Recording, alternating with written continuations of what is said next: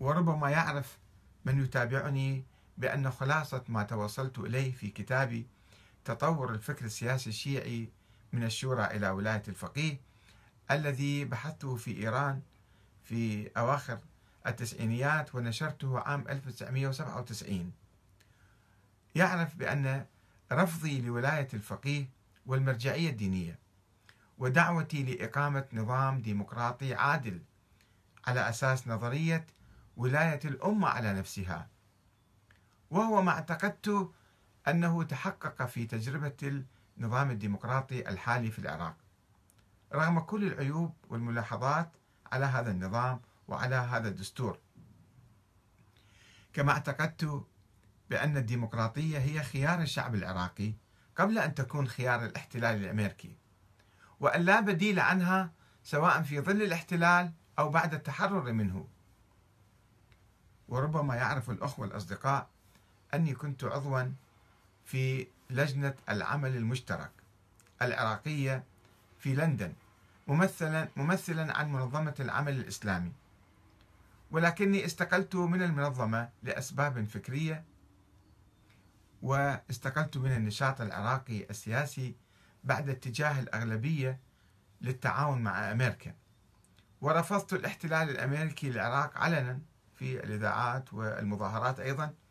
وكان من الطبيعي أن أؤيد المقاومة الوطنية بما فيها موقف السيد مقتدى الصدر الرافض للاحتلال ومعركة النجف ومدينة الصدر ومناطق أخرى عام 2004 وفي الوقت الذي كنت أنتقد المرجعية الدينية المتمثلة في مرجعية السيد السيستاني بسبب موقفها السلبي من الاحتلال الأمريكي. وعدم إصدارها أي بيان يعلن موقفها الرافض للاحتلال.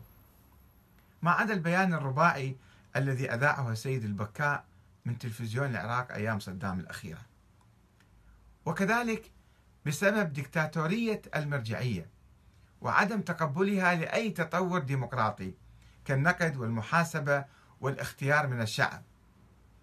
وأيضا بسبب طائفية المرجعية وتأليفها لقوائم انتخابية شيعية في مقابل القوائم السنية وقبولها بهذا النظام يعني.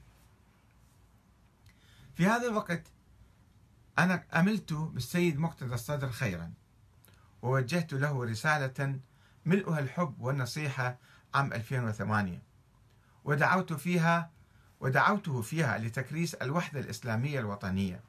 واجتناب الحرب الطائفية لا سيما بعد فتنة 2006 التي انخرط فيها ما يسمى بجيش المهدي التابع للصدر.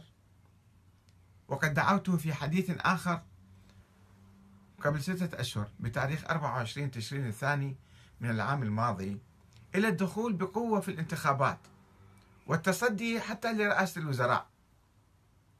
ولكني في نفس الوقت لاحظت من خلال مراقبتي لسلوك وتصريحات ومواقف السيد مقتدى الصدر خلال السنوات الماضية عدم التزامه كثيرا بأصول العلاقات الديمقراطية مع أنصاره وأتباعه فضلا عن عامة الشعب. وذلك بالتعامل معهم من موقع الفوقية والأبوية أكثر من موقع ولاية الفقيه المطلقة التي كان يقول بها الإمام الخميني والتي لا يؤمن بها الصدر كما يبدو. ولكنه يمارسها بشدة في إقصاء من يريد وتقريب من يريد داخل التيار الصدري في حين تغيب ظاهرة النقد والمحاسبة والمراقبة واختيار القرارات بحرية داخل هذا التيار الذي يتبع سياسة التبعية المطلقة له والتقليد الأعمى للصدر رغم أنه ليس بمرجع ولا فقيه يعني. في إطار التقديس والتعظيم الشخصي. وقد تجلت تلك الظاهرة في تأييد التيار الصدري جماهير التيار الصدري يعني لسياسة الصدر وعلاقاته السلبية أو الإيجابية مع إيران أو السعودية. مرة تكون علاقات سلبية ومرة علاقات إيجابية. وكذلك في تأييد التيار الصدري وكتلة الأحرار لقرار الصدر بتشكيل قائمة سائرون مع الحزب الشيوعي. الذي كان الصدر يعلن الأداء له قبل أيام ويحذر منه ومن العلمانيين وعدم تجرؤ أي فرد من أفراد التيار على معارضة الصدر أو الاعتراض على هذا القرار. وذلك في ظل عدم وجود برنامج سياسي أو خط واضح للصدر بشأن التحالف أو الأداء مع أي زعيم أو حزب أو كيان سياسي في داخل العراق وخارجه. وهو ما يكشف عن ظاهرة ديكتاتورية لو نمت وتضخمت أن تقضي على الحياة الديمقراطية في جميع العراق وليس في التيار الصدري. ومن الواضح أيضا أن السيد مقتدى الصدر يسعى ليكون مجتهدا ثم مرجعا كما يقول هو حسب وصية المرحوم والده له قبل وفاته. كما عبر هو عنها في حديث متلفز قديم موجود في الفيديو. على اليوتيوب. مما يزيد في خطر نشوء ديكتاتورية دينية في العراق من ناحيتين. الأولى من ناحية المرجعية الدينية التي تدعي النيابة العامة عن الإمام المهدي وتلف نفسها بهالة من القدسية والاستعلاء على إرادة الشعب وترفض الانتخاب والمحاسبة والنقد والتوجيه. هي بحد ذاتها حالة ديكتاتورية في الباقي من القديم يعني. ومن الناحية الثانية ممارسة الصدر الاستبدادية المضاعفة مع حصوله على درجة الاجتهاد أو ادعائه لها. يعني الله يعلم ما هو اجتهاد المجتهدين آه، في المستقبل. والتعامل مع أنصاره وخصومه في المستقبل من موقع الأبوة والقيادة الفردية. وكما تعرفون أساسا يعني المعمم عندما حتى المعمم العادي المبتدئ بس يرتدي هذا الزي فيتعامل مع الناس بطريقة أخرى وينظر الناس إليه بطريقة أخرى. يعني لا يعاملوه كإنسان عادي في المجتمع. كل ما يقول هو صحيح. يأتي المنبر ويتكلم وربما حتى يسب الناس ويشتمهم والناس أيضا يجب أن يطأطئوا رؤوسهم ويسمعوا له. هذه يعني تخل بالمعادلة الديمقراطية والحياة الديمقراطية. وإنما يعزز هذه المخاوف هو لجوء أنصاره وأعوانه إلى تحريم أي نقد له آه، اليوم على أي من مواقفه بالنسبة للآخرين ممنوع أي واحد يمس الصدر حتى بالكناية. إذا آه، تعرض له أو انتقده هذا ممنوع. شوفون حملة شعواء ضده تم ومهاجمة من ينتقده أو يشكك في بعض مواقفه. واتهامه بالعمالة والخيانة والوطنية والارتزاق والقبض وكذا. يعني لا يتركون شيء إلا ما يلصقونه به. وبعضهم قد يكون هو مجند لهذا الشغلة. ولكن بصورة عامة الناس عندما يقدسون شخصا لا يسمحون لأي أحد بأن يقترب منه أو ينتقده أو يوجه أو كذا. وهذه ظاهرة سلبية مضادة للديمقراطية بالحقيقة. وتهديده بشتى الوسائل من أجل قمعه ومنعه عن ممارسة حقه الديمقراطي في النقد والنصح والتوجيه والمعارضة. فكيف إذا تبوأ الصدر منصبا مرجعيا دينيا مثلا أو سياسيا رفيعا يغدو فيه كإله أو كسيد مطلق أبشع من الولي الفقيه. وأنا حينما أنتقد الصدر لا أنطلق من أي مواقف مسبقة ولا مصالح ضيقة وأنا لا أنتمي لأي حزب كما تعرفون. ولكني أشاهد أمام عيني ظاهرة ديكتاتورية دينية عائلية صدرية تحاول التهام جسد الديمقراطية الهشة الوليدة في العراق. وعندما أقول ذلك أعرف أن المواطنين الأحرار وحتى من التيار الصدري وربما حتى السيد الصدر نفسه ربما كما يقال يتقبلون كلامي برحابة صدر. ولكن العبيد في ناس قطاع من الناس عندهم عقلية العبيد.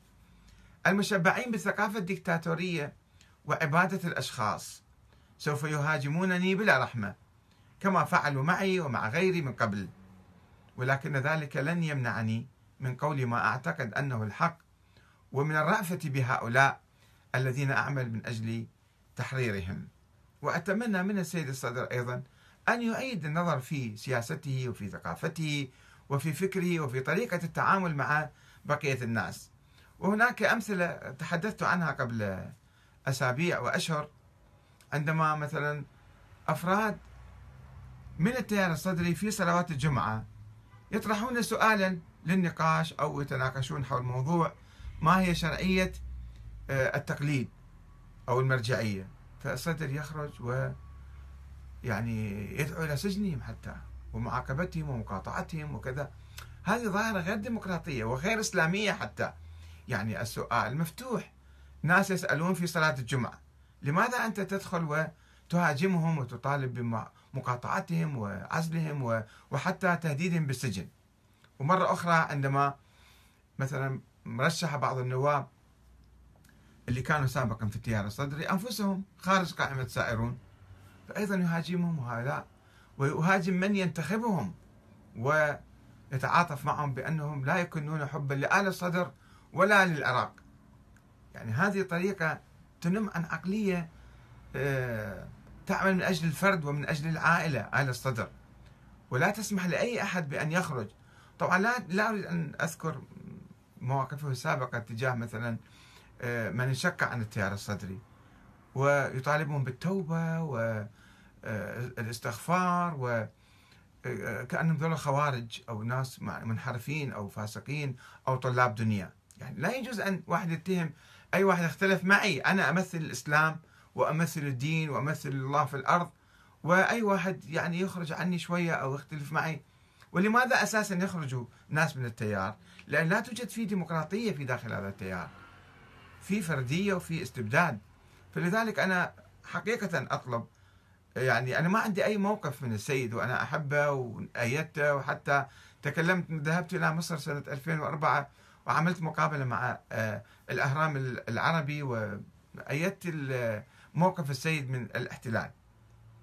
ولكن لا يجوز أن واحد يمشي بهالطريقة هذه لأنه يرتدي عمامة ولا يرتدي كذا ويرث ألقاب وأسماء كذا فلا يجوز ولا يسمح لأحد أن يعني ينتقده أو هذا خلاف الظاهرة الديمقراطية. الديمقراطية تقتضي أن الناس كلهم يكونوا متساويين وما يجوز واحد يفرض نفسه أو يستعلي على الآخرين. وأذكره أخيرا مرة أخرى بقول الإمام أمير المؤمنين عليه السلام وهو أمير المؤمنين كان رئيس الدولة الإسلامية. يخاطب شعبه يقول لهم آه، إني في نفسي لست بفوق أن أخطئ ولا آمل ذلك من فعلي فلا تكفوا عن مقالة بحق أو مشورة بعدل. تعالوا دائما شاوروني اتكلموا معايا انتقدوني انتقدوا أي واحد بالدولة. يعني كان وإنما أنا وأنتم عبيد لرب لا رب سواه. هكذا. هذه الثقافة الإسلامية العلوية الديمقراطية. أن الحاكم أو القائد أو الرئيس لا يستعلي على الناس وإنما ينظر إلى الجميع هم أخوة له متساوون معه. لا يجوز أن يمنعهم من ممارسة حقهم بالنقد والمشورة. وأتمنى إن شاء الله أن آه، يتحلى السيد آه، مقتدى الصدر بهذه الصفة حتى أكون أنا من أشد أنصاره وأعوانه. والسلام عليكم ورحمة الله وبركاته.